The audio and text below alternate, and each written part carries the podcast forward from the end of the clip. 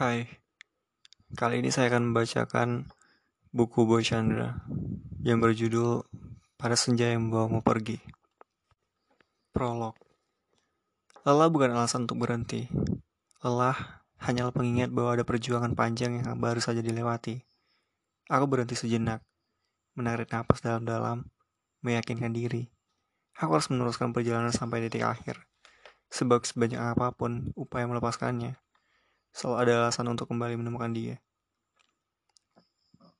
Langkah-langkah telah membawaku dan banyak hal telah kupertaruhkan. Beberapa bagian hidup bahkan sengaja aku tinggalkan. Bukankah kita memang harus percaya bahwa semua usaha keras memperjuangkan perasaan adalah bentuk dari jatuh cinta? Aku sudah lama menunggumu. Ucapnya parau saat mataku hanya berjarak beberapa meter dari tubuhnya. Seketika rindu-rindu yang menumpuk di dada luruh seperti air bah yang melanda pemukiman. Terasa meluluh lantahkan. Sungguh. Semua perantian panjang itu benar-benar mendatangkan lelah. Aku berjalan menuju perempuan itu. Selangkah lagi aku berharap sampai di peluknya. Sebelum semuanya benar-benar membunuhku. Tubuh yang selama ini kupeluk sendiri dalam gigil-gigil yang merasuki. Hujan dan panas telah menempa. Semuanya hampir saja membuatku kehilangan kendali. Perasaan itu semakin dalam. Aku semakin tenggelam. Tidak ada yang mampu menawar kecuali dia. Aku yang ingin dia. Kamu, apa kabar? Suara aku keluar tertahan. Lebih parah daripada suara perempuan di hadapanku. Suatu hari, hujan deras sekali. Hujan semakin deras. Di antara suara rintik diselingi klakson bersaut-sautan, Aku berdiri kedinginan. Aku terjebak di depan salah satu ruko di jalan veteran. Sore ini, aku harus menemui Kaila, kekasihku. Namun sepertinya hujan tak mengizinkan aku melihat senyum Kaila. Lama aku menatap jalanan yang masih disesaki kendaraan yang lalang. Sementara aku masih berdiam di sini. Kalau nekat jalan, pasti aku basah kuyup. Gi, kamu di mana? Aku terjebak hujan, Kai. Lalu dia tidak membalas pesan singkatku. Ya aku tahu, Kayla pasti kecewa padaku. Hari ini adalah hari ulang tahunnya, sekaligus hari jadi hubungan kami yang memasuki tahun kedua. Kayla perempuan yang mengingat momen apa pun dan merayakan hampir semuanya. Terkesan berlebihan memang, namun bukankah perempuan memang suka begitu? Melakukan hal-hal yang kadang tidak wajar bagi lelaki. Meski tidak mengikuti ritual tukar kado tiap bulan, Kayla selalu menginginkan kami merayakan tiap bulan hari jadian. Dia melakukannya sampai satu tahun hubungan kami. Katanya, merayakan hari jadi tiap bulan selama satu tahun pertama adalah cara untuk menguatkan fondasi hubungan kami. Menurut Kayla, tahun pertama adalah hu tahun penonton hubungan sepasang kasih. Dan aku mampu melewatinya dengan Kayla. Masih sering kali Kayla kesal karena aku lupa tanggal jadian kami. Hal itu tak pernah sampai menjadi masalah yang runyan. Sejujurnya, Aku memang tidak begitu suka mengingat hal-hal seperti itu. Bagiku mengingat tanggal jadian tidak akan membuat cinta semakin merekat. Karena cinta bukan untuk dihitung hari, melainkan untuk dijalani sepenuh hati. Sampai di tempat kita tidak lagi sanggup melangkahkan kaki membawa hati. Hujan pun reda. Tetasnya kini tinggal gerimis. Satu persatu angkot berwarna putih dan oranye masih lalang di depanku. Meski angkot menjadi hal yang unik di kota ini, aku kurang suka dengan sopirnya sering ugal-ugalan atau apakah rata-rata sopir angkot memang suka ugal-ugalan? Aku mengeluarkan telapak tanganku ke udara, memastikan hujan sudah tidak tebat lagi. Setelah merasa yakin, aku pun berangkat menuju kampus dengan motorku. Di antara sisa gerimis itu, aku menaruh harapan agar bisa bertemu dengan Kaila. Aku sudah menyiapkan kado untuknya. Sebenarnya, kalau hujan tidak turun, aku dan Kaila pasti sudah bertemu. Dan kami pasti sudah memenuhi ruang kelas dengan tawa. Aku berjalan menuju lantai dua, menaiki tangga yang cukup melelahkan. Rambutku agak basah terkena imbas gerimis yang belum usai. Aku mengelapnya dengan sapu tangan sebelum masuk ke ruang kelas. Memastikan wajahku tidak berantakan saat bertemu Kayla. Kau baru datang? Tanya Putri. Kayla mana? Tanya aku, tanpa merespon pertanyaan Putri. Udah balik. Andre menjawab malas. Dia sibuk dengan laptopnya. Kau sih pakai tas segala. Dia sudah nungguin kau dari tadi. Rani menambahkan. Mereka memasang tampang kesal. Loh, kenapa aku yang disalahkan? Aku kan tidak bermaksud untuk telat. Kalau mau menyalahkan, salahkan saja hujan. Hujan yang membuatku datang terlambat. Lagi pula, aku baru terlambat satu jam. Itu bukan waktu yang lama untuk menunggu set hujan deras seperti tadi. Kalian kenapa sih? Aku bertanya heran, menatap tiga sahabatku itu. Gi, kamu nyadar juga? Kamu gak nyadar juga? Parah. Putri mengalihkan wajahnya di jendela. Tunggu, aku belum mengerti maksud kalian. Jelaskan Ran. Andre meminta Rani menjelaskan kepada aku. Lalu dia kembali sibuk dengan laptopnya. Dia memang suka begitu. Sibuk dengan laptopnya sampai tidak tahu waktu. Rutinitas dengan layar laptop yang berlebihan itu membuat matanya harus menggunakan kacamata. Hei, kalian gak lihat hujan deras banget tadi? Terus cintamu dikalahkan hujan? Serang Putri kepada aku. Putri, apa-apaan sih ini? Aku tidak mengerti dengan sahabatku kali ini. Terutama Putri, apa maksudnya membandingkan cintaku dengan hujan? Dasar perempuan aneh apa-apa dikaitkan ratu drama. Aku menatap mata putri. Mata yang biasanya tenang, kini menyimpan kesalahan yang tidak bisa disembunyikan. Aku tak paham apa yang mereka pikirkan tentang semua ini. Bukankah hal seperti ini tidak perlu dipermasalahkan secara berlebihan?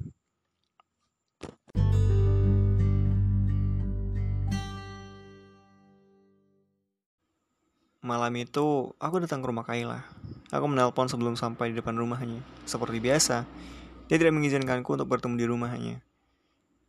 Awalnya, dia tidak mau bertemu denganku. Mungkin masih kesal dengan kejadian tadi siang. Namun, saat aku katakan aku akan datang ke rumahnya, dia meminta aku menunggu.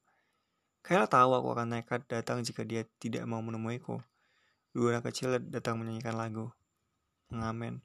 Wajah mereka terlihat lusuh, tidak terurus. Suara mereka pun terdengar biasa saja. Cenderung cempreng bahkan. Aku kasihan melihat mereka. Segera aku ambil satu lembar uangku, lalu mereka pun berhenti bernyanyi. Setelah aku beri uang kertas 2000, mereka langsung pergi, tanpa terima kasih. Beberapa menit kemudian, Kayla datang diantarkan oleh adik lelakinya. Aku ingat betul. Dulu ketika kami sedang bercanda, aku suka memegang hidungnya. Rambut Kayla lurus dan legam. Terlihat berkilau dan terpas sinar cahaya lampu taman. Meski tak sejenjang model-model ternama, tubuh Kayla terbilang cukup tinggi untuk ukuran perempuan Indonesia rata-rata. Sayang, Kekesalan yang tersirat di wajah Kayla seolah berusaha merebut segala keindahan itu. Kamu main aja dulu, tapi nanti jemput kakak ya, setengah jam lagi. Adiknya kemudian meninggalkanku dan Kayla di taman Imam Bonjol malam itu, di bangku taman yang dingin terkena hujan sore tadi. Aku merasa sikap Kayla lebih dingin daripada udara malam itu. Maaf, aku membuka penjara, aku membuka pembicaraan. Udah lupain aja. Tapi aku gak bermaksud seperti itu. G, dia menatap mataku. Hari ini, dua tahun hubungan kita. Aku gak mau bertengkar. Aku gak mau berdebat. Suaranya terdengar lelah. Aku memilih diam. Aku merasa bersalah telah menunggu hujan reda. Harusnya aku bisa menerbas hujan dan membiarkan tubuhku basah kuyup. Jika dengan jika dengan begitu Kayla, jika Putri bisa menganggapku benar-benar mencintai Kayla, dan Kayla tidak akan meragukanku seperti malam ini. Selama dua tahun ini, aku sering melakukan hal aneh di mata kamu. Merayakan hari jadi tiap bulan pada tahun pertama misalnya. Tapi aku melakukan semua itu untuk hubungan kita. Kai, aku gak bermaksud membuatmu berpikir begitu. Tapi kamu gak pernah benar-benar ikhlaskan melakukan semua itu. Benar. Aku memang tidak terlalu suka hal seperti itu, namun bukan berarti aku tidak mencintai Kayla. Bagiku, mencintai Kayla tidak bisa ditakar dengan perayaan bulanan, tahunan atau apalah namanya.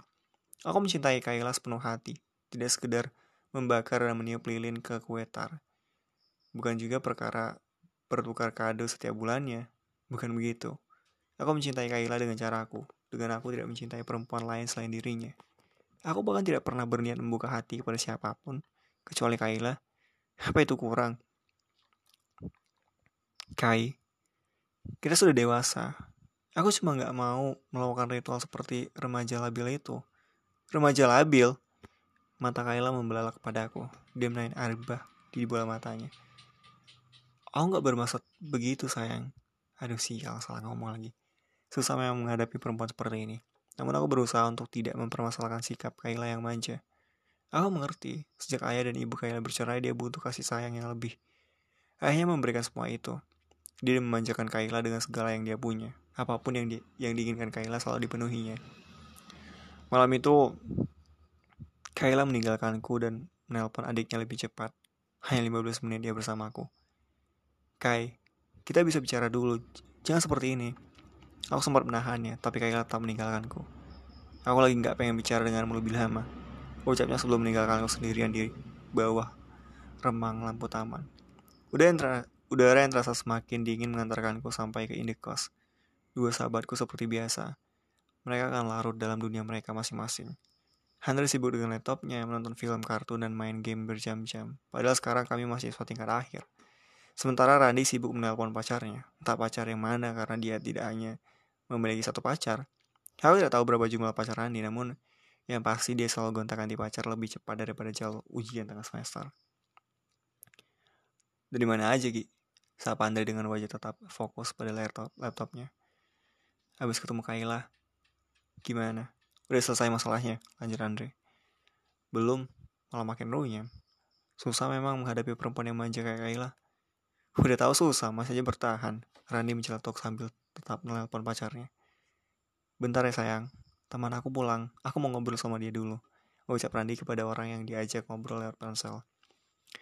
Randi mendekat dan dia duduk di hadapanku. Tubuh Randi memang sedikit lebih tinggi daripada tubuhku. Ia rajin berolahraga sehingga tubuhnya terbentuk bagus. Baginya, penampilan adalah hal yang utama. Nilai dan urusan kuliah hanyalah selingan. Laki ganteng yang kurang pintar dalam hal akademik, begitulah istilah yang sering diberikan oleh Putri. Sementara Andre tetap bertahan di, di depan laptopnya.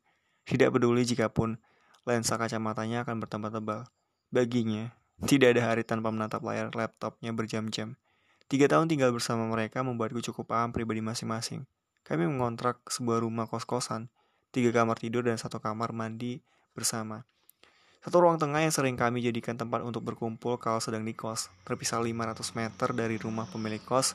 Selama itulah, apa pun yang kami jalani, hampir tidak ada yang luput untuk diceritakan, termasuk masalahku dengan Kaila. Gi, jangan-jangan Kaila nggak benar-benar cinta kamu? Randi duduk menatap ke arahku. Aku terdiam. Aku gak suka kau ngomong gitu, Ran. Ini cuma masalah kecil. Aku tahu, aku tahu Randi jago masalah perempuan. Dia bahkan bisa menebak karakter perempuan hanya dari fotonya. Tidak mengherankan memang jika dia bisa memberikan penilaian seperti itu. Namun bukan kepada kasihku, Kaila. Aku capek dan pengen istirahat. Aku mengenal Kaila. Dia gak seperti anggapanmu.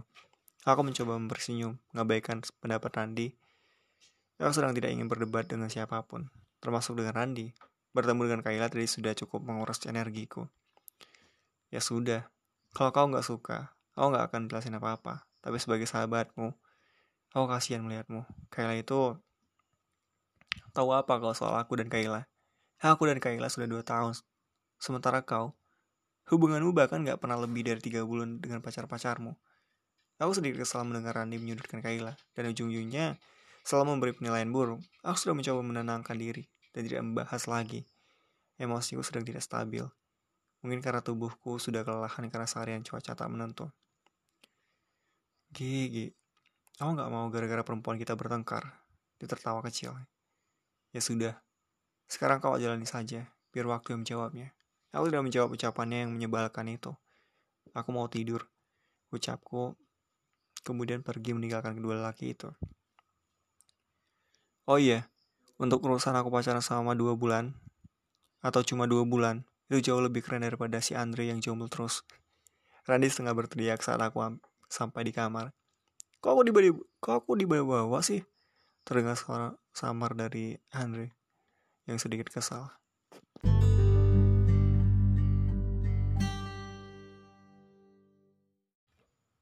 Selain Putri, Andre dan Randy juga sudah berbagi rahasia paling parah sekalipun kepadaku. Di antara kami berempat, hanya akulah yang perjalanan asmaranya cukup baik. Maksudku dalam segi waktu.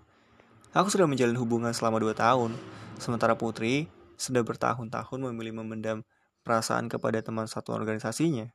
Tak pernah berani mengungkapkannya. Tetapi terus saja seperti berbagi cerita kepada kami. Padahal Putri perempuan yang cukup manis, suka menekan pakaian lebih tertutup dan berhijab, suka juga memiliki pola pikir yang sangat terbuka. Putri senang berdiskusi dan tidak suka mendikte. Meski terkadang cerewet kalau ada di antara kami bertiga yang lalai dan urusan kuliah dan hal-hal yang dia pikir penting. Kadang, Putri juga tidak bisa menyimpan masalahnya sendiri. Untuk urusan asmara, Putri selalu bercerita kepada kami. Hanya saja, masih cerdas di bidang akademik dan organisasi, Putri lemah dalam urusan asmara. Dia perempuan yang paling pandai memendam perasaan kepada laki yang dia suka. Sementara Andre, dia tidak mau lagi berpacaran. Sejak ditinggal oleh cinta pertama yang dipaksa orang tua si perempuan menikah setelah mereka tamat SMA, Anda seperti mati rasa kepada perempuan dan lebih memilih menghabiskan hari-harinya di depan laptop. Selain kegiatan kuliah, sesekali malah larut dalam alunan lagu Minang yang mendayu-dayu. Bahkan, Andre cenderung tidak mempedulikan penampilannya. Lelaki berkulit sawo matang ini jarang melepas kacamatanya sebab rutinitas dengan laptop yang tinggi.